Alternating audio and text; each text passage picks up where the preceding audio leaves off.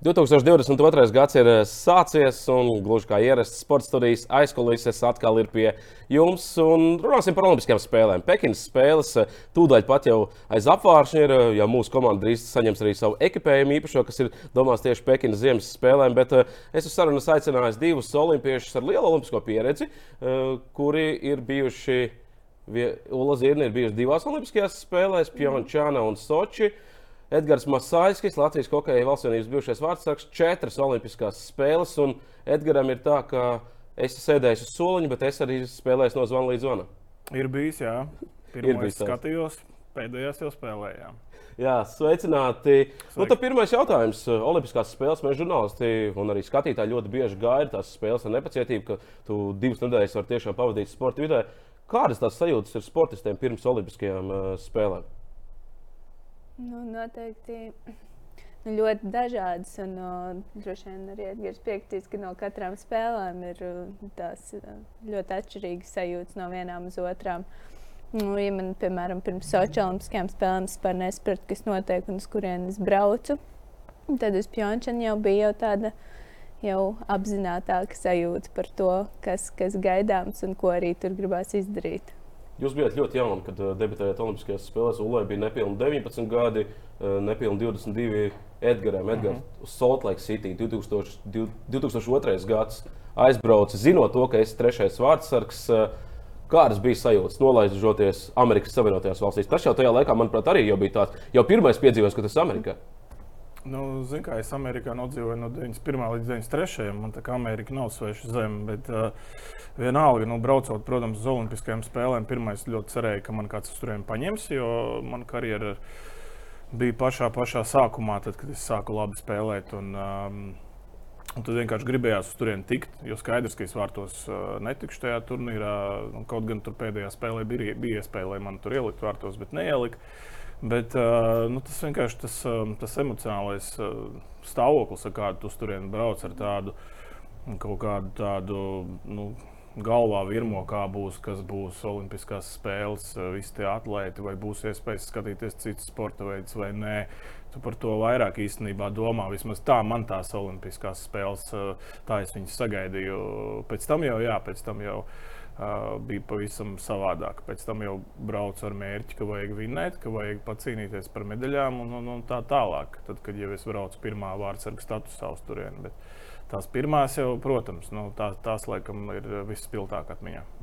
Mums ar Ulu jau šķiet, ir skaidri zinām tie lidošanas noteikumi mūsdienās, ka jābūt pusotru stundu pirms visa tā dokumentu pārbauda, bagāžas pārbauda. Edgars, tu Amerikā bija bijis jau 90. gadu sākumā, kad, tas, kad nebija 11. septembris vēl bijis. Kā bija Sotlaiksitijā?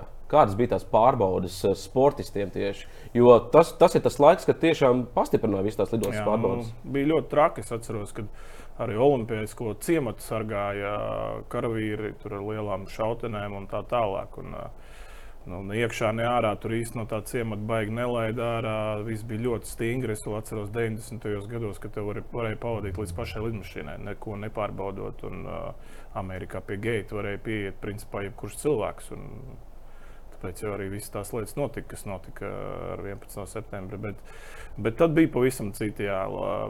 Visur pavadīja, visur līdzi karavīri un tā tālāk. Tas īstenībā tas, tā traģēdija Ņujorkā tā jau bija pavisam nesen tajā laikā. Un, nu, tā, tā apsardz bija nenormāla. Nu, vismaz, tie... vismaz toreiz. Bet uh, visas Olimpiskās spēles principā tādas mm. tagad ir. Uh, jā, toreiz bija varbūt izteiktāk, tagad varbūt mazāk. Uh, Soči arī bija diezgan stingri apsargāti. Arī ne pa labi, ne pa kreisi. Ja kaut kur gribēja aiziet, tad bija jāpiesaka tikai ar kaut kādām konkrētām atļaujām. Nu, šogad, man liekas, būs vēl trakāk. Nu, es domāju, ka šogad iespundēs, iespundēs un uh, autobusu hale, mm. viesnīca un tā, tas ciemats. Jā, man jau tagad, jau nekas nebūs. Man jau tagad bija arī mazliet iespējas būt tagad uh, Pekinā un mazliet jau izdzīvoju to, kā arī tur aptuveni būs Olimpiskajās spēlēs. Nu, nekādas uh, jautrības, teiksim tā, nav un diezgan tiešām. Uh, grūti visu laiku būt tādos, tādos apstākļos, ka tev tiešām tur ne pa labi, ne pa kreisi viss. Neko, tā sajūta, ka tu kā esi, tu esi Ķīnā, tu esi vietā, kur varētu būt tik daudz vis kaut kas, ko redzēt, ko apskatīt, bet tu neko vairāk kā viesnīca autobusu. Un nu, mūsu gadījumā trāsi neredzi. Esmu dzirdējis teicienu cietums. Nu, jā, jā es, nu, es, protams, nezinu, kā ir cietumā, bet uh, nu, tie, tie ierobežojumi ir, es domāju, ļoti līdzīgi. Ulu Sočos arī bija karavīri. Tā sajūta, mm. ka nu, visu laiku tevi neteiksim, tur uz grauda, bet nu, visu laiku tevi vēro un piesargā. Militāristi ar ieročiem, tas drošības sajūta iedod vai tomēr tā diskomforta? Nē, nu man toreiz saka, ka uz tiem sočiem brauc ar tādu uh, Bija tā, ka, uh, kā jau minēju, es biju vēl, vēl diezgan uh, jauna, uh, un tā iespēja tikt uz tām Olimpiskajām spēlēm arī parādījās tikai gadu pirms tam. Tad man bija ļoti smaga sezona, lai kvalificētos Olimpiskajām spēlēm. Pirm, uh, pirmā sezona, kad es startēju ar pieaugušo konkurencē.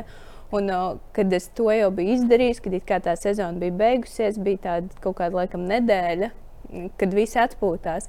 Un, e, man, es tajā laikā vēl biju junioru vecumā, un man vēl aizsūtīja uz pasaules čempionātu junioru. Un man sanāca tā, ka es atbraucu mājās no tā čempionāta, vēl vakarā ielidoju. Un nākamajā rītā, kaut kādos 7, 8, man jau bija jābūt apkārt lidostā, lai dotos uz tām Olimpiskajām spēlēm. Un tad man tās sajūtas bija tādas, ka Es biju piekususi. Es jau es tiešām es vairs īsti nesapratu, kas, kas notiek, uz kurienes braucu. Tā apziņa, jā, kaut kas liels.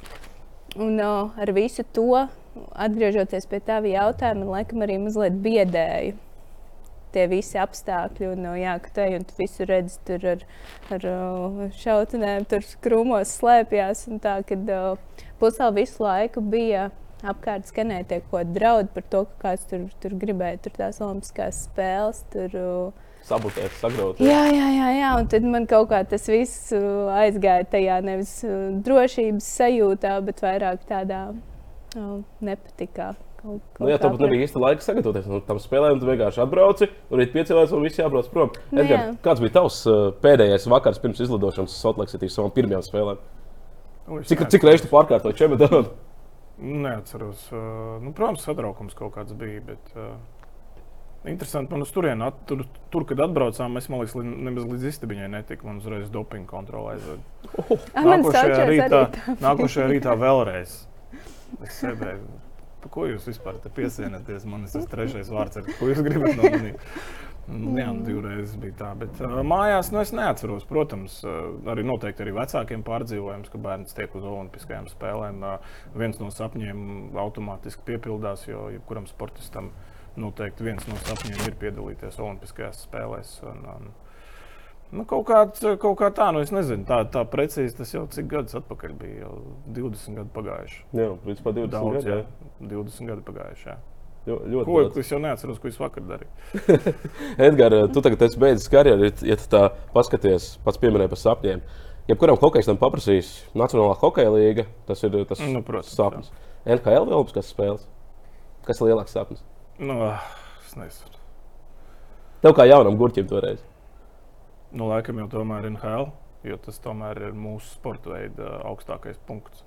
Olimpiāda tas tāds vairāk visu sportu svētki, jā, tur satiekās visi labākie pasaules sportisti viennozīmīgi. Bet tur ir viss kopā šeit, tu savā profesijā, savā sportā. Ja tu tiec līdz pašai augšai, es domāju, tas gandarījums vēl lielāks. Ola, tu sočos tavu debiju bija, vēl startēja junioros un pirmā sezona pie pieaugušiem. Tur arī liels dāmas tev priekšā bija, kuras pieļauju, uh, nu, varbūt tev arī kādu laiku bija jauki. Sa, tu, kad Olimpiskajā ciematā satika viņus, nezinu, fotografēšanās, gribēja paspiest roku. Kaut kas tāds bija? Nē, nu, mums tā, mums kamniņu sportā tā komūna ir diezgan maza, un ir tās visas lielās dāmas, un visas, visas tos mēs viens otru satiekam jau tā kā nemainās, vai tas Olimpiskajās spēlēs vai pasaules kausa stūrē. Ir cilvēki ir vieni un tie paši.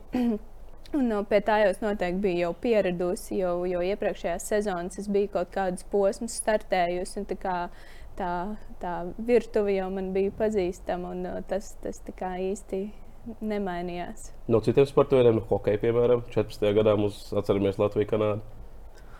Jā, nu mums atkal tur ir vēl viena nianses, uh, kur ir tie atsevišķie ciemati olimpiskie, ka bieži vien mēs jau tā īsti nemaz nesatiekam. Mums arī bija ar, ar, ar hokeistiem uh, atsevišķi ciemats, lai gan uh, Sočos mums izdevās uz vienu spēli, mācīt pret Čehiju. Jā, mēs bijām, uz to mēs aizbraucām paskatīties, bet tā nu, īsti jau nesenāk. Tur ir, Sočos bija trīs olimpiskie ciemati, un tad mēs esam attiecīgi tur visi renes sporta veidi, un laikam bija tur slēpotāji un snowboardisti, un tad, nu jā, un tā viss kaut kā sadalās, un, un nu, jā, atklāšanas ceremonijā satikāmies, laikam visi. Tā ir, principā, vienīgā reize, kad jūs satikāties Sočos ar kamariņu braucējiem.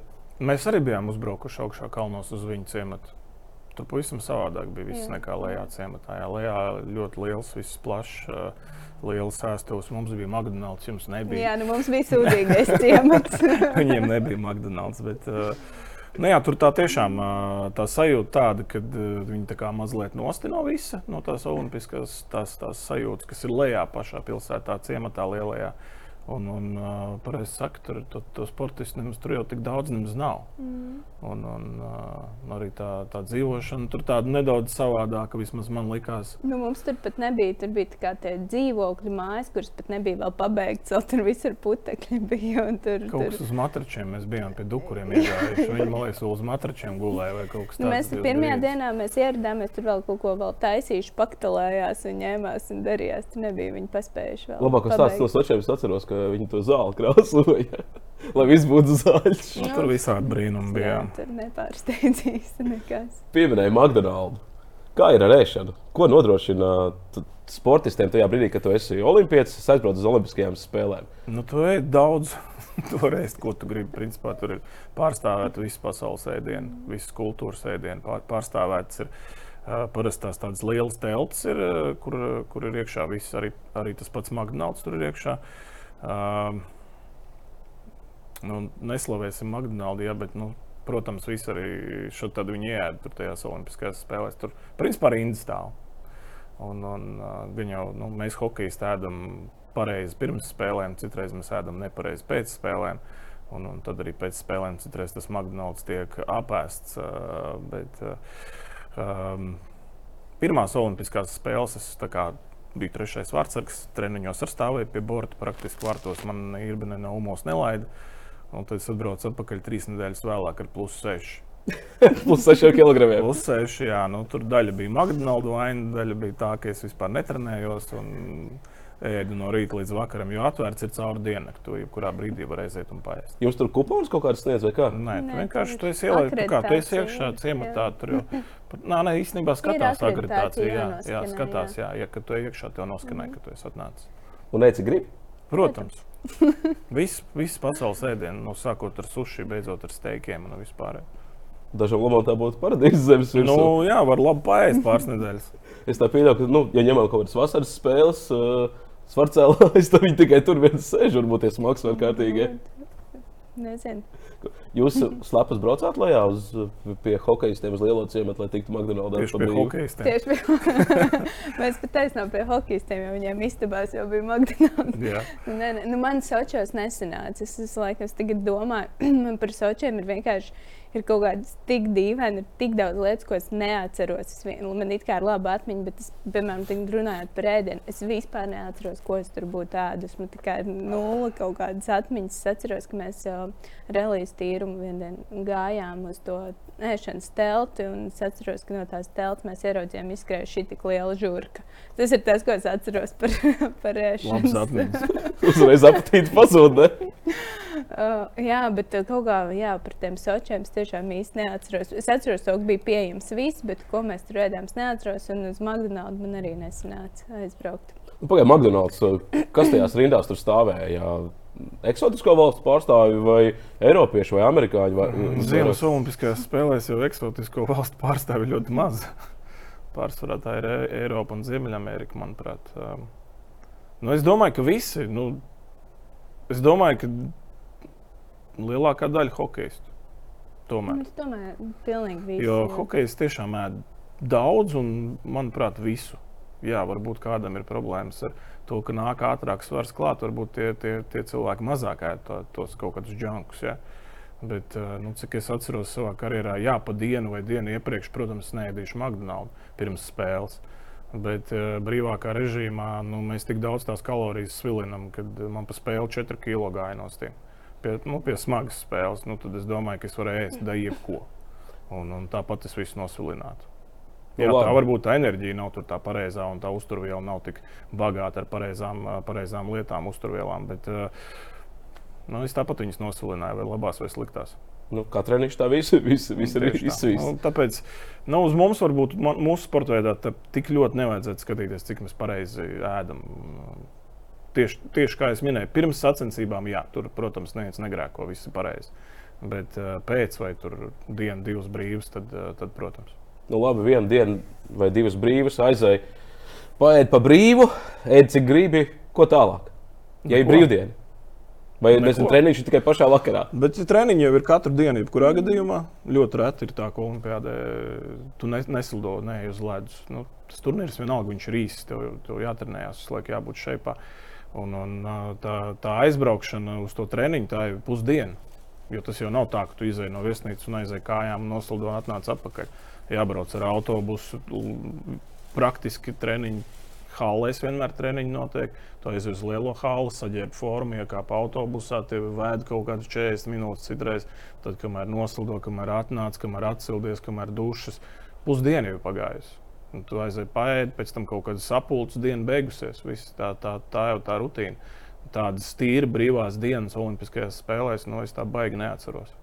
Kā jums bija? Mazliet vieglāk. Nu, līdzīgi, jo arī visos šajos uh, liela mēroga sacensībās un pasākumos ir arī tā, tā loģistika, viss tiešām tā nokļūšana līdz tai trasei vai, vai nu, jā, vietai, kur notiek tās treniņu un sacensības. Tas prasa daudz laika.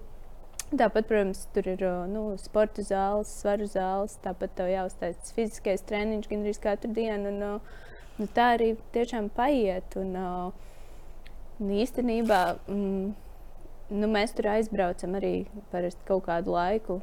Pirms tam ir, ir, laikam, ir kaut kādas pirmās dienas, kur tā kā vēl ir brīvs, kamēr tur arī attiecīgi ja ir vajadzīga tā aklimatizācija vairāk. Un, uh, nu, jā, un tāds palēnām jau trenējies, ēd, guli, un tad pienāk tās uh, sacensības. Bet laika kavēšanā taču vajag kaut ko. Nu, ļoti bieži dzirdēt, ka sportists nevar tur aizmigt uh, vakaros. Jā. Kaut ko taču jūs ņēmāt līdz laika kavēšanai. Nu, jā, nu, man Teļu, ka nav tur O, Jā. Olimpijādē, nav televīzijas. un ko darīt modernam cilvēkam bez televīzijas? Nu, Ir telefons. nu, nē, tos. Es lasīju grāmatu īstenībā ļoti daudz sočos, tieši sočos. Nezinu, kaut kā tik ļoti gribējās labi nospēlēt, tik ļoti gribējās izdarīt visu pareizi un koncentrējos tam spēlēm, kad uh, ierobežoju reāli sevi ar uh, televīziju, lai uh, acis nepārslogot un uh, lasīju. Tiešām daudz lasīju. Palīdzēja, laikam. Tajā laikam ir arī tā atšķirība, jo nu, Olimpiskās spēles ir veidotas it kā nu, tev ir iespējas. Tur ir vis kaut kādas tur izklaides, tur istabas ar visādiem tur kaut kādas uh, datorspēles. Nu, kas tik tur nav? Viņi ir izdomājuši par, par, par to visu. Bet, uh, man liekas, te ir Apnīk tas viss tāpat. Lapnīgi, un arī tā ir tā atšķirība, tā kā, ko tu mm, brauc turien darīt. Jo es domāju, ka oh, nu, visi, kas ir tādi augstas klases mm, sportisti un tie, kas tiešām grib kā, tos rezultātus augstākos un labākos parādīt, viņi tomēr sevi nu, ierobežos, kontrolēs. Un, uh, kas varbūt citreiz pat nav pareizākais variants. Un, uh, un, tā, bet tad, tieši varbūt tās eksotiskās valsts arī ir tās, kas tur tusē un ņemās un darās. Jo mums jau ir tā, ka mēs aizbraucam, nostartējam, un uh, mums nav uh, iespējas nemaz ilgāk tur palikt, lai patiešām arī izbaudītu to, kas tur priekš, it kā priekš sportistiem viss ir uh, sagatavots. Jo mēs principā tur pāris, di viena, divas dienas, un mēs braucam uzreiz mājās. Jums jau arī tāpat, Mhm. vai ne? Pēdējā spēle un pārsvarā nākošā dienā Mhm. prom. Jā. Nu, Tagad... tagad- Tur džekļi tusē, tur jau ir tādi, nu, kas varbūt ir rezervisti vai, vai citās komandās arī, kuriem Mhm. pareizi saka, tie, kur tur reāli nepretendē ne uz ko. Jā, viņi Mhm. tur staigā pa tām, pa tām teltīm, kur tur ir pingponga, biljardi. Un, un, un, bet nu, tie, tie cilvēki, kur reāli ir atbraukuši kaut ko tur izdarīt, nu, tie ne, nekur liek nevazājās. Nu, ja, ja tā paskatāmies, nu, ko 90% tādu atlētu varētu būt, kuri ir atbraukuši uz Olimpiskajām spēlēm, tāpēc, ka viņi vienkārši kvalificējušies. Bet varbūt viņi tur uz top 10 nemaz eh, nepretendētu. Tā Nu, komuna nu, liela. Ir jau tāda sporta veida diezgan daudz. Tas pats tā, tie paši slēpošanas sporta veidi, manuprāt. Nu, Tur ir top 10, kas reāli cīnās, varbūt, varbūt nedaudz vairāk, bet piedalās jau tur simts pāri, man liekas, tie sportisti. Jā, un ir, ir arī eksotisks valsts. Jā, jā, jā. Nu, nu, tiem, ir, tiem ir festivāls, tiem ir svētki. Nu, katram savs, protams. Par slaveniem sportistiem no citiem sporta veidiem. Paskatījos Saltlake City, Brits Hāls, Mats Sundins, Stīvs Aizermans, Mario Lemjē spēlēja tie olimpiādē. 21-gadīgs Edgars Masājs, kas skatījās lielām acīm, mēģināja kādu bildi varbūt dabūt. Ir tev ar, ar, arhīvā kāda bilde, jo tā es iespējams. Es, Pēc sevis domāju, vienkārši, ja tik jaunā vecumā tas būs, tad droši vien domā, ka tas varbūt ir tava vienīgā iespēja tāda, ka tu tik lielā formā būsi. Kaut ko tādu izmantojat? Izmantojāt jūs, kad esat bijuši Olimpiskajās spēlēs? Nu, laikam nē, es, es tā nedaru. Vienreiz mūžā esmu piegājis, paprasījies nofotografēties ar, ar kādu tādu slavenu sportistu. Tas bija šogad, respektīvi jau pagājušajā gadā ar Maiju Briedu arēnā arī pēc cīņas palūdzu nof nofočēties. Man uh, bērns ir liels uh, fans, viņš te ir Zviedrijā. Es domāju, būtu forši nofočēties un aizsūtīt, uh, ka es esmu ticis blakus, ka es redzēju Maiju Briedu. Parunājos ar viņu, nu, tas man likās tā forši. Bet tajā laikā, nu, es nezinu, man liekas, nebija tādas ne autoritātes, ne, ne tāda jau milzīga alka. Jā, jaunībā, vēl agrākā un bērnībā, protams, bija. Bet arī Saltlake City atšķirās ar to, ka bija savādāks tas turnīrs. Mēs lielajām valstīm nespēlējām. Un es īstenībā tādu nevienu neatceros, ka es redzētu. Jā, tur ciematā mēs redzējām, ka Kanādas izlase, tur Amerikas izlase kaut kur sāka parādīties, tad, kad mums jau principā viss beidzās. Bet, bet, bet, bet tā es īstenībā nevienu tā baigi neatceros. Šķiet, lielākā zvaigzne no tā laika bija vēl arī ļoti jauns uh, Marijans Hoss. Marijans Hoss bija mēs spēlējām. Jā, ar Slovākiem mēs spēlējām. Jā, spēlējām ar Slovākiem. Jā, 6-6 manuprāt. Bet, uh, nu, nē, nu, man toreiz neinteresēja tādas lietas. Galīgi nē. Es tā kā, jā, forši tur cilvēki apkārt, bet uh, stulbi, kad arī Saltlēks ir, ja nevarēja aiziet uz citiem sporta veidiem. Kāpēc? Tāpēc tas nav iespējams. Tev transports, loģistika, tu tur vienkārši netiec. Es viens pats nevaru aizbraukt. Ja komanda norganizēs sarunā autobusu un mēs kaut kāds bariņš braucam, tad, tad jā, tā kā mēs aizbraucam uz to jūs to ciematu. Tad jā, tas bija sarunāts, norganizēts, un tad tu tiec. Bet tā jau, principā, ciematā mēs varējām aiziet uz kaut kādiem hokeja mačiem, uz, uz to, kas tur apkārt bija tajā so, uh, Sochi olimpiādē.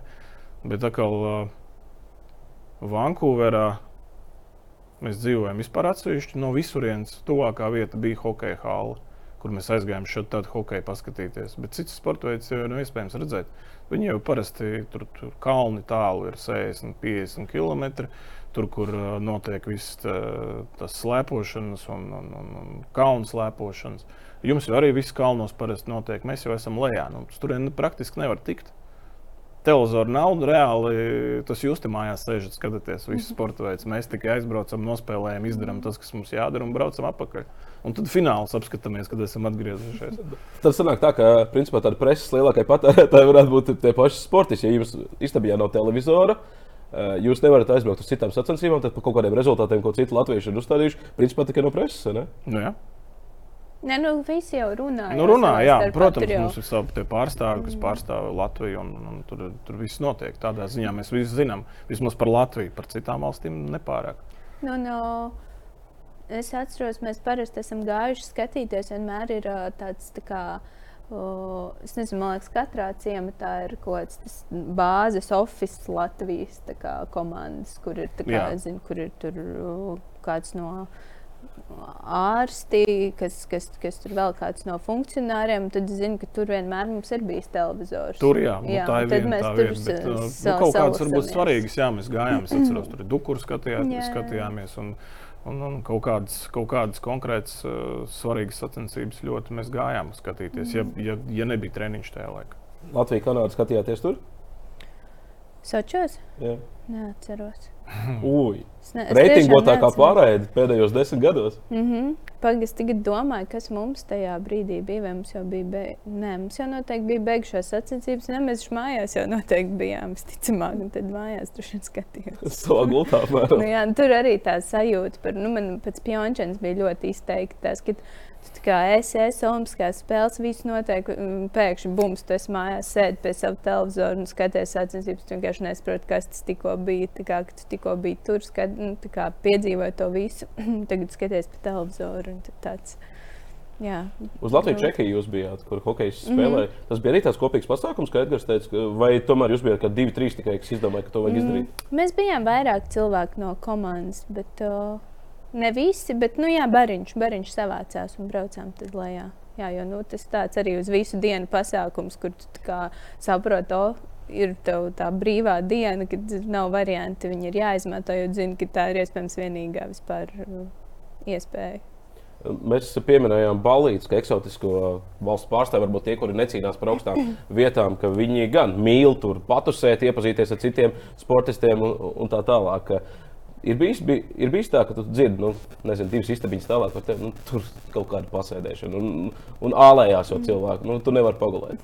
Nē, man tā nav bijis, jo mēs jau parasti dzīvojam, mums jau ir sadalīts pa mājām. Tur ir latviešu māja konkrēti. Un, nu, protams, tajā vienā mājā dzīvo arī, arī uh, citas valstis, bet uh, kaut kā parasti sanāk, ka mēs tur esam visi savējie blakus. Man nav bijis tāda pieredze. Kad, Kas, protams, visādi stāsti ir dzirdēti par visādām uh, balēm, bet, uh, bet tā, ka būtu traucējis, tā man nav bijis.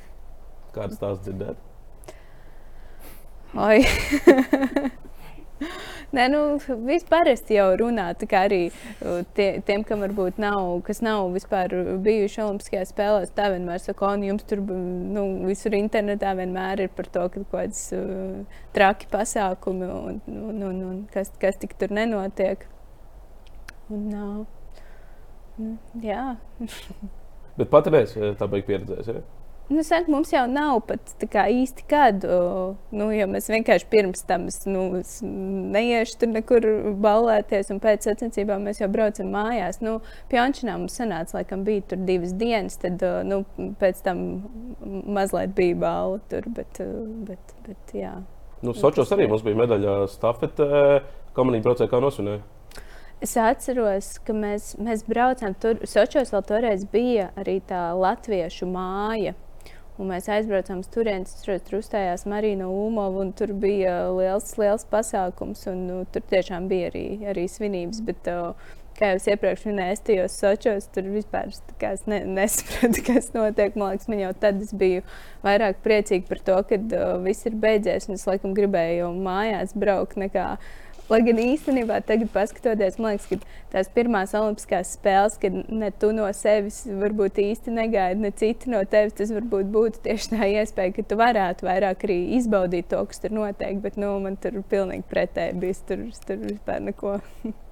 Nu, pēdējās Ziemassvētku spēlēs Pjončānā, kas bija Korejā, kolēģis arī stāstīja, kas bija tur uz eh, vietas, ka nu, nebaidījās gan hokeja komandas, gan dažādi citi eh, sporta veidu pārstāvji.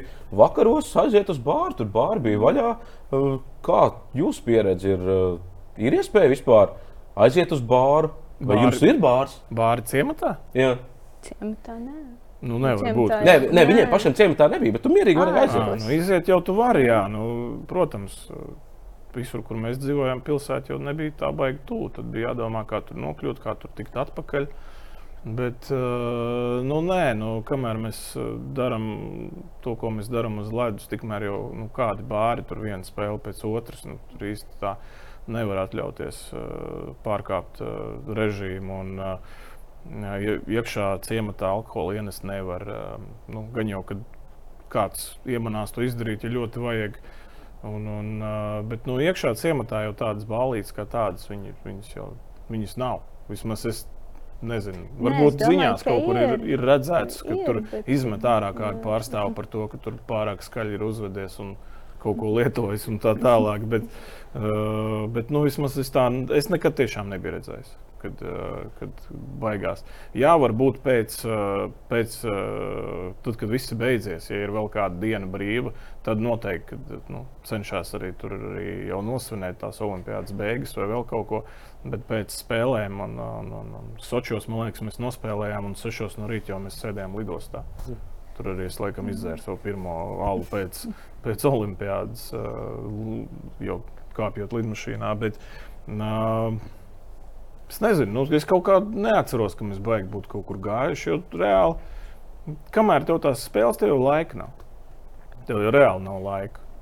Jā, nu mēs pie, Pjančinā pēc, pēc sacensībām mēs aizbraucām. Jā, bija arī atceros, mēs taksi braucām. Tur laikam tā pilsēta nebija pārāk tālu. Tad nu, tur bija tā, ka tur Nu, bija pēc var patusēt, jā, pilnīgi, kāpēc gan pilnīgi, nē? tur bija Nu, pilnīgi viss, kam viņi braucēja. beidzies, Tad jau, tad jau, tad jau kā kurš viens iet uz bāru, viens varbūt kaut Mm. ko citu pilnīgi dara. Nu, kas kam? Jā, tā, tā, tas alkohola aizliegums Olimpiskajā ciematā, cik viņš eh, ir stingrs. Mums pirms pusgada bija eh, ciemos divi brīvprātīgie, kas strādājuši Sochas spēlēs. Viņi teica, nu, jā, tas likums ir, bet nu, ieliec summā, tad neko Nu, es domāju, tiem, kuriem ir, ir vēlme un vajadzība, viņi atradīs iespējas. nu, gan jau. Un, Jā, un, pēc noteikumiem man liekas, ka nemaz Nē, nedrīkst. pēc nu, ja tev ielaiž, tad ielaiž. Nu, jā. bet iest tu ar to somu un ar to alus pudeli vai, vai vēl kaut kādu pudeli. Nu, tev vajag, lai tev kāds tur sāk aizrādīt, vai, vai, vai atņemt, vai nelaist. Vai, Vai, vai ā, vēl sliktāk pierakstīs, kas tu esi, un vēl kādam izstāstīs tālāk, ka tu tur esi spēries iekšā ar, ar mugursomu, piemēram. nu, es nezinu. kas klankšķinās visu. vai ne? Nē, man ļoti pārsteidza šīs vasaras Tokijas spēles, kas arī bija Covid protokolā ļoti stingras, vēl stingrākas nekā jums, eh, jūsu pieredzē, jau kas vēl nebija bija brīvās jā, jā. spēles, kur jūs varējāt tomēr mm. brīvi pārvietoties. Un, uh, tur Slovenijas basketbola izlase, tad zvaigznes Luka Dončičs. Nu, viņš pat Instagramā tur salika visādas bildes, kur nu, ir koma, teiksim, tā komandas saliedēšanās pasākums, ir kārtas uz galda, ir arī pudeles uz galda. Tur bija jautājums, kā viņš kaut ko tādu dabūja iekšā, kā tā Slovenijas izlase to dabūja iekšā. Nu, labi, ir taču tie volunteeri. Noteikti, ka caur viņiem arī var mm. paprasīt, lai atnes. Nu, nav jau tā, ka tur uh, neviena pila alkohola nedabūs iekšā ciematā. Nu, bet, Rekur uh, taču bija, kam no Amazonas sūtīja. No Amazonas viņa Jā, atsūtīja. Ja? jā, tas jau bija arī visur internetā. Visur jau bija. nu, Gan jau, ka, taču, protams, ja, ja ļoti vajag, visu var dabūt. Jā, tas ir vienkārši par to, ka mēs jau droši vien, nu, ja, ja, ja vajadzētu te jau atrasties pēc vienkārši, tad saku, nav jau tā kā nemaz laika tam īsti, īsti līdz tam nonākt. Četros gados var padzirties vēlāk. Nu, pr pr protams, vienkārši pēc bet tas ir tam. tāds fakts, ka, ka viņi to, Tokijā to darīja un ne, nekaunējās. Un daudz arī pēc tam rakstīja, ka iespējams tāpēc arī Slovēņi tik labi esat nospēlējuši, ka nu, tā komanda bija tiešām ļoti saliedēta. Nu, ka- pēc savu. Kaut kādas šādas pasēdēšanas tavā karjerā, nezinu, klubā vai izlasē, ir palīdzējuši to nu, attīstīt komandas garu. Jā, es, es uzskatu, ka uh, tas ir viens no veidiem, kā citreiz tiešām var uh, komanda, kā komanda izkļūt ārā no kaut kādām sarežģītām situācijām. Bet uh, es esmu redzējis, un manā komandā arī bija um, tādi gadījumi, ka tās pasēdēšanas palika jau tik biežas, ka tas reāli sāk jau gremdēt atkal komandu. Jā, Jā, mērķīgi. nu, protams, ir, nu, ir ļoti bieži ir tā arī, ka nu, hokejs ir liels kolektīvs. Tur 30 cilvēki ir iesaistīti vienā komandā. Un, un, un, uh, Pirmkārt, ir lietas, kuras tu savā starpā citreiz nespēji izrunāt. Ikdienas uh, sadzīvē, ikdienas treniņu procesā, aizejot visiem kopā uz kaut kādu bāru, vai uz bowlingu, vai, vai, vai kur alu visi kopā sēž dzer. Nu, tur arī citreiz uh, skaļāka vārda, viens, otru, viens otram izsaka kaut ko, izrunājās.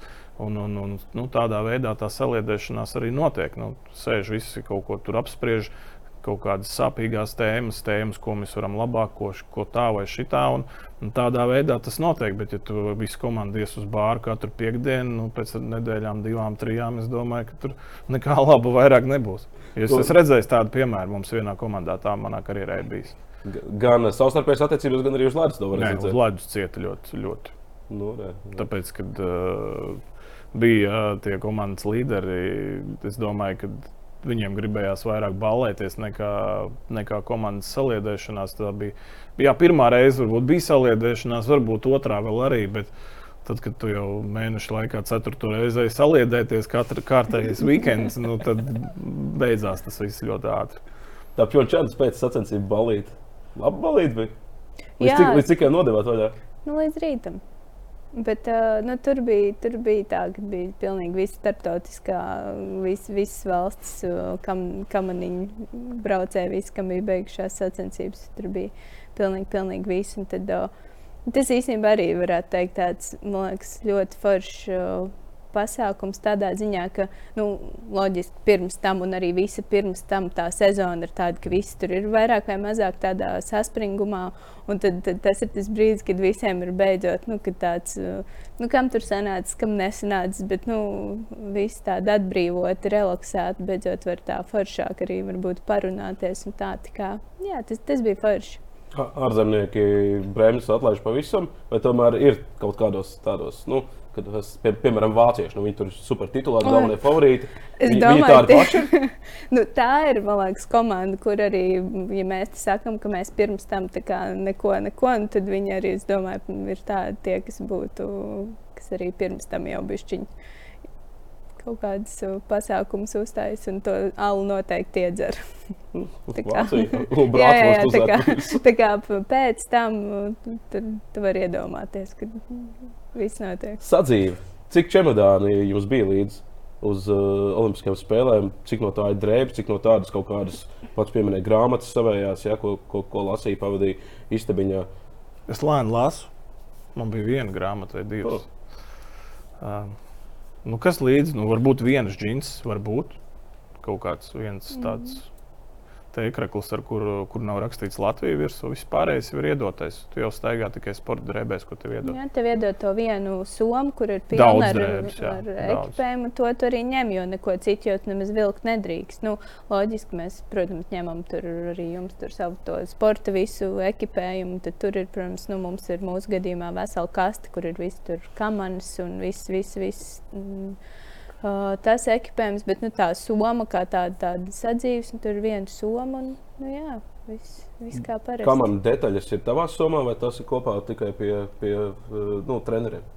Nē, nu, mums katram sportistam ir tāda milzīga metāla kaste, kurā ir, ir tā kamana un tur ir visas detaļas un visu, visu tad liekam mēs tur.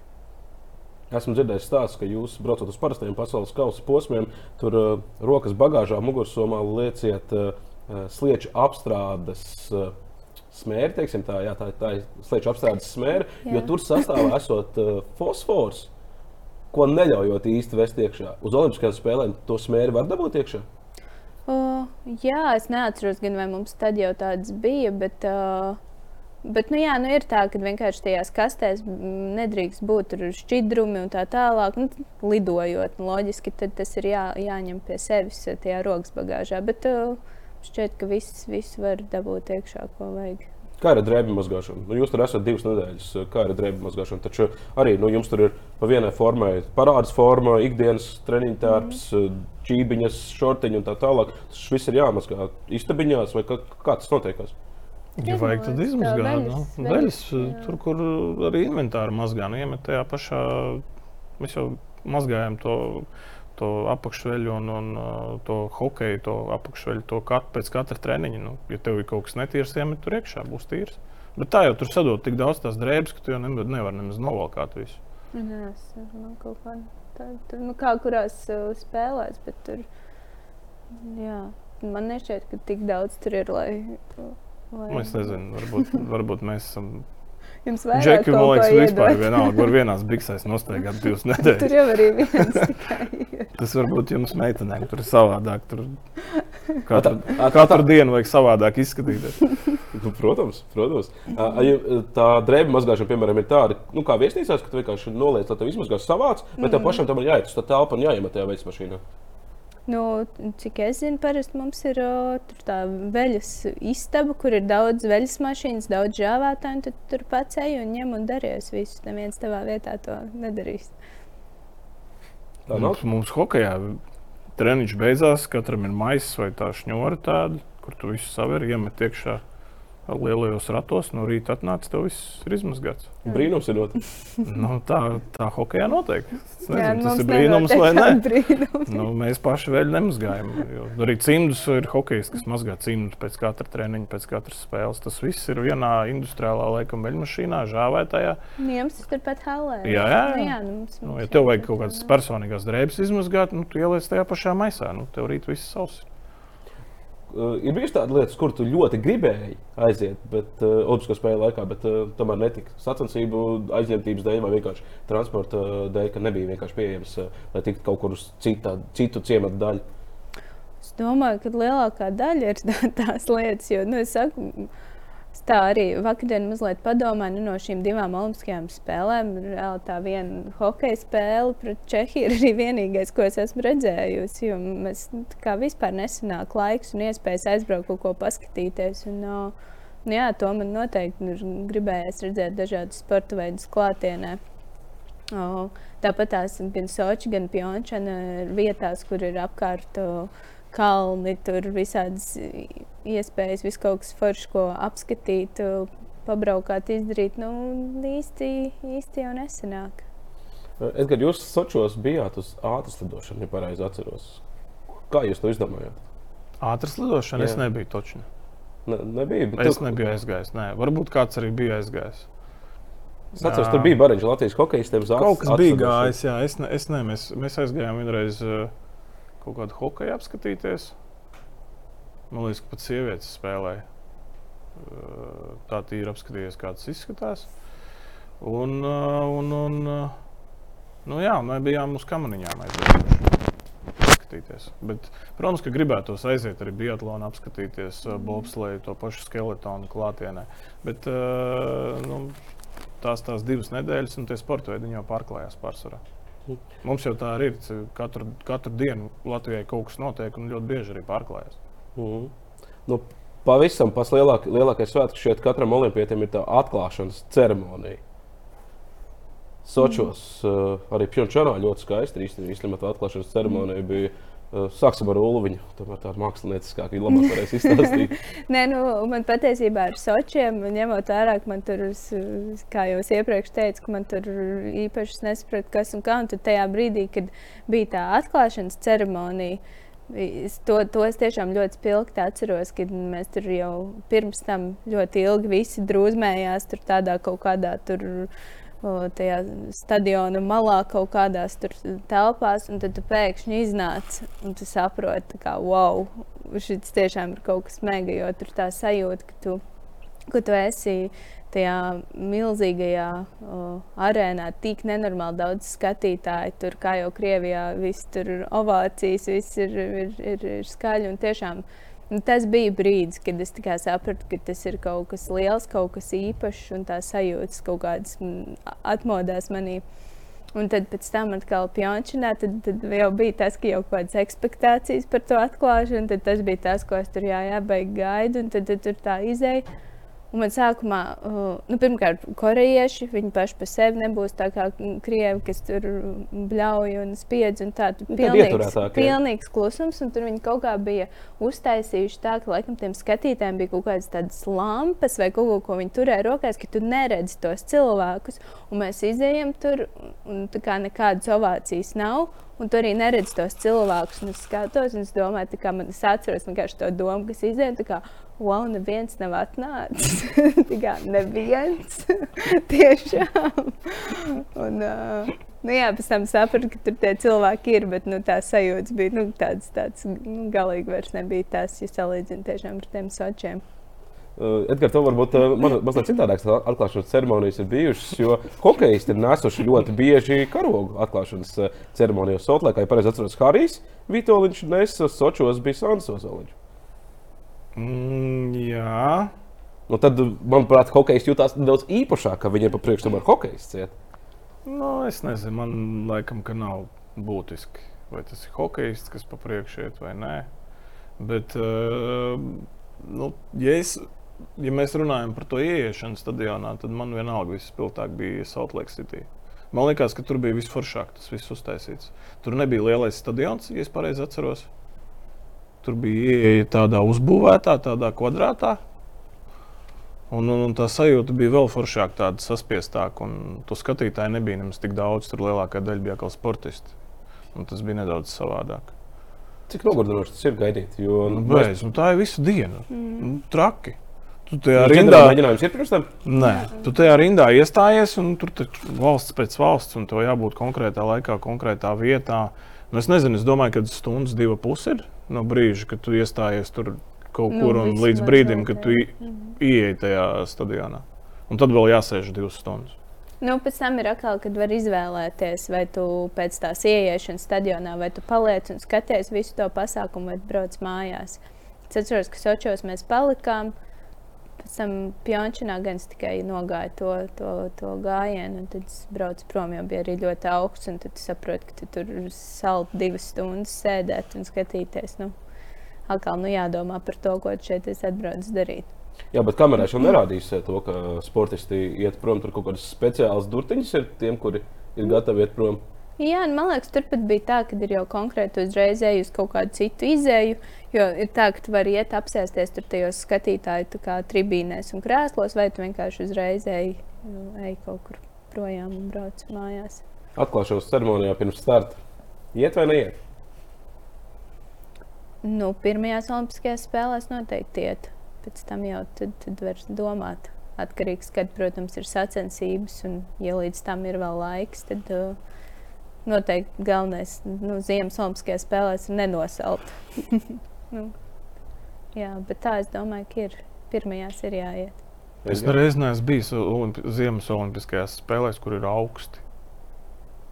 Visur vienmēr ir bijis silti. Tam uz Pjončānu mēs netikām. Nu, nu, jā, nu, tur, tur es nebiju. Tur bija vāks, bet nu, Sočos reāli bija plus 14 pa dienu. Bet tas Vankūverā arī. Mums jau augšā augstāk. Nu, jā, jums tur sniegs mm. bija. Nu, mēs tur lejā, tur bija cilvēki, šortos steigā. Vankūverā arī. Bet uh, par tavu jautājumu, jā, tas atkarībā, man liekas, no kāda sporta veida. Es domāju, ka hokejam tas baigi netraucē. Jo mēs nekad nespēlējām līdz nākošā dienā pirmām kārtām. Bet ja man būtu jānoslēpo 50 eh, km nākošā dienā no rīta, es neietu uz, eh, jo tas ir nogurdinoši. Tas ir nogurdinoši, kā es piedzinās, un, un tāpat tās tu visu laiku kājās lielāko daļu atrodies. Bet, eh, ja no rīta ir starti, tad es ļoti labi saprotu tos cilvēkus, kāpēc viņi neiet. Bet jā. nu, vismaz vienreiz vajadzētu iziet. Jo tas tiešām, ir tāds emocionāls pasākums. Jā, jā, to tu atceries, laikam, visu, atcerēsies visu mūžu, un, un ceļš tā pirmā reize.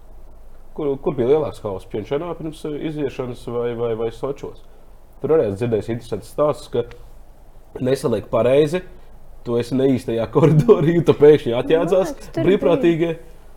Man nav nekāds tāds beigās hauss palicis. Man atmiņā ir palicis tas, ka tas ir tas brīdis, kad uh, nu, reāli tad, tajā brīdī ir visas valstis, visi sportisti. Tad es zinu, ka tas ir tas, kur tu vari, ja tev ir kāds tur tas elks vai kāds, ko, tu, ko tu gribi, tad tur ir liela iespēja viņu satikt. Tāpat visiem parasti ir tā mainīšanās ar nozīmītēm, ar visām valstīm. Ah, jā, pareizi. Tas ir, vēl notiek. Jā, jā, jā. Tad tas ir tas brīdis, pjončinās ļoti spilgti atceros, kad tur viss, o, tur tā valsts, tā valsts, man vajag to, un tad tur viss tā baigi.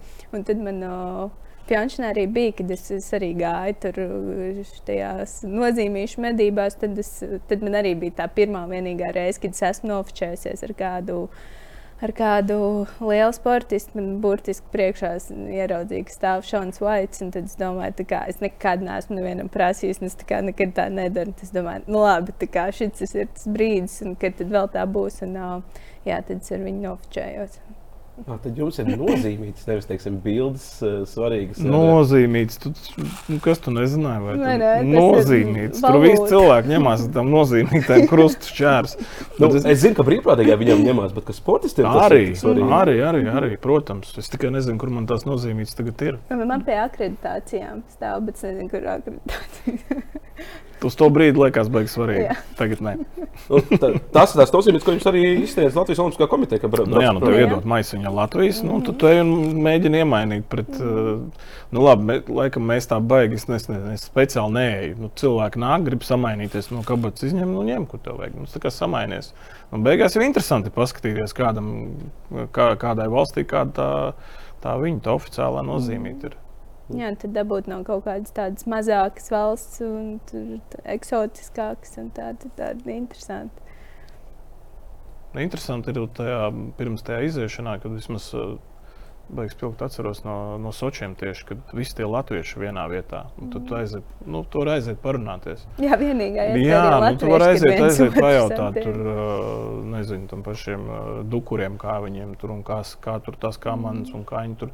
Nu, kaut kādas tādas tehniskās lietas, pa ko tu ikdienā nedabūsi tos cilvēkus sev blakus, lai ar viņiem izrunātu viņu sporta kaut kādas uh, nianses. Tāpat arī bobslīstiem pajautāt, tur, kā jūs tur skrienatumu, kā tu tur ieliec tajās kamerās, vai ir bijis, ka tu netrāpi, vai nu, kaut kādas tādas mm. lietas. Un, man liekas, ka tā viena no tiem lielajiem plusiem, kad visi tie latvieši vienā vietā un visi tie sporta veidi vienā vietā, un tu, tu vari tiešām tā tīri draudzīgi papļāpāt. Pajautāt kaut kādas nianses, jo arī pie, nu, arī pie mums, no, pie, arī pie hokeistiem nāk klāt no citiem sporta veidiem, un tur atcerās kādu gadījumu un pajautā, kāpēc tā, kāpēc šitā. Un, un, Tas man liekas, tā baigta forša ir tajā atklāšanā tieši, kad mēs visi satiekamies jā, kopā. Jo tas ir liekas, kas vispār diezgan ļoti pietrūkst. Kā reāli ziemas sporta veidu pārstāvji. Re, kur ir ziemas sporta veidu pārstāvji vienreiz mūžā tikšies atklāšanas ceremonijā. Nu, tagad nav vispār iespējas, kā mēs, mēs visi braucam uz, uz vienu to notikumu un darām kaut kādas līdzīgas lietas. Bet kā, nu, ļoti daudz mēs nemaz neesam satikušies savā starpā. Nu, tad var teikt, ka Latvijā sportisti viens otru nemaz tik labi nepazīst. Ja? Nu, nu, pēc iespējām, nu, kā, kā kuram sanāk kaut kur. Bet man liekas, tiešām mēs biežāk iepazīstamies kaut kur ārpus tām sporta sacensībām, ot, ot. pasākumu raidījumiem, nu, kaut kas tāds nekā, nekā tiešām darot to savu lietu. Nu, es ar Tomasu Dukuru Jāņus esmu svinējis kopā. Bet sportā vispār nekāda sakara. Principā. A, kā tas sanāca? Tas sanāca nu, draugu kopīgi. Mm. Vienkārši draugu kopīgi. Tas nebija Olimpisko spēļu dēļ. Nē. Mm. Viņam uh, puika arī hokeja spēlē diezgan labi. Nu, Darēls, jā. jā, viņš jau mm. mūsu līderis. Un tad mūsu tajā hokeja tādā vecāku grupiņā mēs tur esam pazīstami. Un tas sanāk arī pasuniet kopā ar citiem sporta veidiem. Nu, redz, daļa bērna, jo viņš spēlē hokeju, nevis daļa tā, ka es spēlēju hokeju. ja nebūtu bērni, tad viens otru nemaz nepazītu. Jā, nu, tā arī būtu, protams. Mm. Par sportisko pusi. Nu, Olimpiskās spēles reizes četros gados. Ar ko atšķirās startēt Olimpiskajās spēlēs no pasaules čempionāta? Edgars. Hmm. Nu, tas ir reizes četros gados. Tas ir viens kaut kāda sajūta, ir, ka tas ir svarīgāk. Uh, pasaules čempionāti Nevar teikt, ka tā ir ikdiena, nevar teikt, ka tā ir rutīna, bet nu, tas tāds uh, ar laiku paliek nu, tāds īpašs, bet vairs ne tik ļoti. Nu, man tā kā vispār tie pasaules čempionāti ir ļoti, ļoti daudz. Tad, uh, nu, vienalga, katrs tas ir tāds kaut kāds ļoti svarīgs pasākums, bet no Olimpijas ir Olimpijāda. Nu, ir, ir ļoti daudz sportistu, man liekas, kuri ir labi sportisti un kuri reāli varēja vinēt tās Olimpijas vai paņemt medaļas, beigās ne, cit, citiem gadās nereiz neaizbraukt. Tas savainojums, tu nekulicējās, tev vēl kaut kas notiek. Un, un, un, un, uh, nu, Olimpiāda tas vairāk tāds tā kā kaut kas īpašs. Pasaules čempionāts tas ir svarīgs. Olimpiāda īpašs. Laikam precīzi atradu mm. vārdus. Vismaz man tā liekas. Nu, jā, man liekas, arī īpaši ar to, ka tas ir diezgan liels kaut kāds apstākļu sakritība. Kaut, nu, jo tas ir reizes četros gados. Un, Tu iespējams gatavojies tam jau, jau visu to četru gadu, un arī nu, tu nekad nevari zināt, kas notiek. Jā, vai nu tur trauma, vai tas, vai tur neizdodas tikt. Nu, visādi var būt. Un, man liekas, jau, ja, kā, ja tu esi tur, tad. Uh, tas man liekas, tā tava sajūta un tas, kā tu pieeji psiholoģiski tam visam. Kad, uh, arī nu, varbūt ir kāds, kam tas varbūt nav, viņš nav tik mērķiecīgi gatavojies, viņš varbūt pieiet ar kaut kādu lielāku vieglumu tam visam, un viņš arī tāpēc uzrāda labākus rezultātus nekā varbūt kāds, kas īstenībā uz papīra liekas ir spēcīgāks, bet viņš vienkārši ir, ir varbūt tik ļoti jau grib un ir tik ļoti gatavs, ka viņam tā kā nu, pārdeg neizdodas. Kā, nu, jā, nu, Jums, kā jums, kā braucējiem, nav tā, ka Olimpiskajās spēlēs ir vieglāk startēt. Jo, ja skatāmies, tad nu, pasaules čempionāts katru gadu notiek, un, ņemot vērā to sistēmu, tad nu, katru reizi pasaules čempionātā jāizcīna tāda, tāda vieta, lai nodrošinātu finansējumu nākamajai sezonai. Olimpijādē teorētiski tas vairs nav. Tas ir. Jo tajos gados, kad, kad ir Olimpiskās spēles, tad nav pasaules čempionāts, un Olimpiskās spēles ir tev vienīgā iespēja nopelnīt finansējumu. Nu, ir vēl arī Eiropas čempionāts, bet nu, principā tas, tas uzsvers ir uz Olimpiskajām spēlēm kā, tas pats, un tad tikai vēl, vēl tur ir sakāpināts viss tas svarīgums. Par psiholoģiju e, runājot, Mārtiņš Dukurs, cik reižu nu, atceramies Vankūveras e, neveiksmi. Nu, jau otro vietu var saukt par neveiksmi. Jā. Tad e, Sočos un arī Pjončānā. Kā ir ar to psiholoģiju? Viņš ir spēcīgākais psiholoģiski Latvijā, un, un cik grūti viņam šobrīd ir, ka viņš brauc uz jau nākamajām Pekinas spēlēm atkal ar domu dabūt to, kas viņam vēl nav. Viņam jādabū tas, kas viņam nav obligāti. Man liekas, ka arī tie starti arī pierāda šogad regulārajā tajā. Kā jūs saucat? Sezona. Kausu, jā, sezona regulārā, se, hokeja regulārā jā, sezona. Mums arī ir. Um, nu, tie starti laikam nav nemaz tik spīdoši. Nu, viņš šobrīd ir līderis. Nu, ir līderis, bet uh, pirms citām olimpiādēm viņš visu laiku vinēja. Visu laiku bija pirmais, aizbraucis uz olimpiādu, tur ir otrais. Ne, nu... Man gribētu uzdomāt, ka tagad būs otrādies. Viņš nav visu laiku pirmais, un tieši tur, kur vajag, tur būs. Nu, man arī tā gribētos domāt, bet zinot to, ka arī viņi paši jau runā, ir, ir nu, skeletonā viņi parasti tāpat kā Pjončinā pēkšņi izlīda pēdējā brīdī korejietis. Tāpat ir, ir izlīdis ķīnietis, kurš, kurš arī ir ļoti, ļoti, ļoti daudz braucis tieši, tieši Pekinas Olimpiskajā trasē, kurš ir arī nu, ļoti spēcīgs. Un, nu, principā visi jau apzinās to, ka, ja nenotiek kaut kas nu, tiešām netipisks, tad nu, viņš jau tiek, tiek, tiek runāts, ka viņam droši vien Nu, bet bet tas, ko Edgars teica, psiholoģiski, šobrīd, man, manuprāt, viņam pat ir vieglāk, ka viņam nav bijis tik super pārliecinošs sezons, ka viņš nav gājis visiem uh, pa, pa, pa priekšu, ja, un ka viņš nebrauc kā tāds super galvenais favorīts. Manuprāt, viņam pat ir vieglāk. Varbūt. Nu, es zinu, ka viņi arī ļoti daudz testē tehniku visos, visos pasaules kausos. Es uh, ceru, ka uh, tas būs palīdzējis un ka viņi būs arī, at, būs arī atraduši īstos. Bet, nu, tiešām, man liekas, ja salīdzinām kamaniņus ar skeletonu, tad kamanās, man liekas, tik ļoti neslēpjas, kā tas ir skeletonā, kad visu sezonu nebrauc, nebrauc, tad vienkārši kaut kāds no kāda vispār kā bija pjončinā angļi, no kuriem neviens neko nebija gaidījis, pēkšņi vienkārši nobrauc. Nu, kā, nu, tur būs interesanti, man liekas cik interesanti būs hokeja. NHL spēlētāji nevar piedalīties. Eh, Latvijai ir NHL spēlētāji, kuri ir līderi komandā, bet mums viņi nav tik daudz kā varbūt citām valstīm. Mums tas spēlē par labu vai tomēr par sliktu, ka nebūs Zemgus, eh, Teodors, arī Rudolfs, arī no, Kristians. Es nezinu, man liekas, ka Latvijas nenāk par labu, kad nav NHL. Jo jebkurā gadījumā citām komandām būs ļoti labi sastāvdaļa. Un Mēs esam stipri tad, kad mums ir pilnībā visi. Un, ja mums nav visi, man liekas, tas mums arī nepalīdzēs pret to, ka citiem nav visi. Tie paši Somijas, Zviedri, tie paši Slovāki. Viņi jau tāpat būs ar ļoti solidām komandām, nerunājot par krieviem, amerikāņiem, kanādiešiem un tā tālāk. Tie paši šveicieši, jā, viņiem tā ir priekšroka, vāciešiem tā ir priekšroka. Jo viņi jau tāpat savus komandas būvē pārsvarā no vietējiem čempionātiem. Uh, Mums atkal ir tā, ka mēs nespēlējam visu vienā vietā. Mums jā, ir Rīgas dāmā, kur ir daudz, bet tad ir ļoti daudz, kas spēlē citās, citās līgās, citās, vispār citos hokeja līmeņos. Un, un tas, ka mums mūsu labākais vārdsargs nebūs, tā ir viena liela problēma manā uzturē. Un, plus centra spēlētāju trūkums šeit, Eiropā, Latvijai, tas ir ļoti, ļoti būtisks. Un tad, ja neatbrauc divi centri no NHL, tā ir ļoti liela problēma. Elvis Maržģīkins nebūs, kuram no vārdsargiem jādod pirmā vārdsarga loma. Atteikšos šo komentēt, lai domā tie cilvēki, kas tur ir tagad.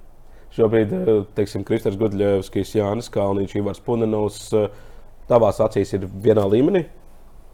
Nu, Zinu, kā katram ir kaut kāda labāka sezona, sliktāka sezona. Es domāju, ka uz Olimpijādu jāņem vairāk, vairāk tie, kuri varbūt ir pelnījuši iepriekš vairāk manā uzturē. Jo pārbaudītas vērtības var būt nevis tas, kurš varbūt šodien ir pats labākais, bet tas, kurš tev jau ir vairākas reizes uh, palīdzējis, tad, kad nospēlējis ļoti labi, tad, kad bija svarīgi agrāk. Tagad uh, eksperimentēt un riskēt, es domāju, ka nav jēga. Ola kamaniņu braucēji ļoti gaida. Daudzi jau runā apkārt, ka nu, šī ir īstā olimpiāda, ņemot vērā arī to izcilo sezonu. Kādas mums ir cerības un kur ir labākās cerības kamanīs sportā? Es īstenībā domāju, ka mums tiešām pamatotas cerības ir pilnīgi visās disciplīnās. Mēs redzam, cik, cik labi iet sevišķi jau, protams, divnieki. Brāļi šīs ir labāk kā jebkad, ja tā var teikt. Un, jā, un tāpat kā arī Edgars saka par to, ka ir, nu, šeit ir svarīga tā pieredze Olimpiskajās spēlēs. Man liekas, ir jā, varbūt ne tik svarīgi, cik tu esi uz šo dienu, bet cik tiešām tas tā psiholoģiskā puse ir liekas, daudz, daudz svarīgāka. Man liekas, tiem, kam ir tā lielāka, lielākā pieredze ar to tikt galā, tad eh, noteikti tā ir nu, ļoti liela priekšrocība. Jo es zinu, kā ar jaunajiem sportistiem, kuri kā, ir tiešām spējīgi un viņi var, bet uh, cik ātri viņi var sadegt tajos brīžos. Tā kā, nu jā, Es nu, ļoti ceru, ka mūsējie visi varēs parādīt savus labākos sniegumus. Jo, kā, man liekas, jebkurš no, no mūsu komandas ir tāds, ka, ja izdodas uh, izdarīt un parādīt to, uz ko ir spējīgs, tad rezultāts tur noteikti neizpaliks. Protams, arī uh, ceru, ka viss tehniskā puse, ka kamans mums slīdēs un ka tā nebūs problēma. Cik liela bēda tev iekšēji ir tas, ka tu nebrauksi uz Pekinu? Lai cik varbūt jocīgs izklausītos, man nav bēda, var teikt, nemaz, jo es biju tur uh, sezonas sākumā, mums bija treniņa nometne, un es uh, redzēju, kā man tur iet. Un, uh, pat ar uh, labiem braucieniem es redzēju, ka tas nav tas rezultāts, ko es gribētu. Un, uh, man kaut kā tā, tā domāšana viss ir nu, tā, uh, strādā tā, ka es apzinos, ja es nevaru uz turieni aizbraukt un uzrādīt rezultātus, kurus es cerētu sagaidīt, tad es uh, esmu ar mieru un nebraukt. Un, uh, man arī liekas, ka lielāks pienesums būs tam, ja aizbrauks uh, kāda no jaunajām meitenēm un uzkrās to pieredzi. Un ar lielām acīm iesaistīt stadionā. Tieši tā, un, un, un, un ka viņi varēs to visu izbaudīt daudz vairāk nekā, nekā es. Un noteikti būs lielāks pienesums, ja aizbrauks, aizbrauks viņi nekā es. Tā kā apzinoties to visu, man kaut kā vispār nav nekāda bēda. Un, un tā, un vēl ņemot vērā, ka šīs Olimpiskās spēles pavisam noteikti būs. Nu, grūtas ar visu to, to tieši iekšējo un to cietumu režīmu un visu. Tur jābrauc ar tīri sacensties. 2022. gads tikko sācies. Ko lai jums novēl? Kas, kas, kas jums ir vajadzīgs šim, šim gadam? es varu visiem novēlēt vienu. Lai Covid ātrāk beigtos un mēs varētu atgriezties normālā dzīvē, normālos apstākļos. Tas mums, man liekas, ir visbūtiskākais visiem. Nesam vēl sadzīvojuši šos gadus. Ja? Nu, Pagaidām. Nu. Ar šo nevar sadzīvot. es atkal, laikam, novēlošu iemācīties sadzīvot, jo man liekas, ka, man liekas, ka tik ātri vēl nebeigsies. Mēs esam paglābti. Viens grib, lai beidzās, otrs grib, lai lai sadzīvo. Lai sadzīvo, lai mēs iemācāmies ar to sadzīvot. Labi, paldies, Edgars. Paldies, uh, Ulla, ka atnācāt pie mums un izstāstījāt savu olimpisko uh, pieredzi. Varbūt par tādām lietām, ko ikdienā intervijās nemaz nesanāk parunāt un nesanāk atcerēties. Edgars arī bija mazliet grūti pat atcerēties Salt Lake City, kas nu, bija pirms... ir jau, ir jau laiciņš tomēr. Jā. 20 gadi tomēr uh, pagājuši. Bet mēs, skatītāji, ar jums tiekamies jau nākamajā, nākamajā nedēļā, un kā ierasts, runāsim par aktuālām tēmām, mazliet padziļinātāk, tā lai mēs uzzinām visu par mūsu Latvijas labākajiem sportistiem. Vislabāk!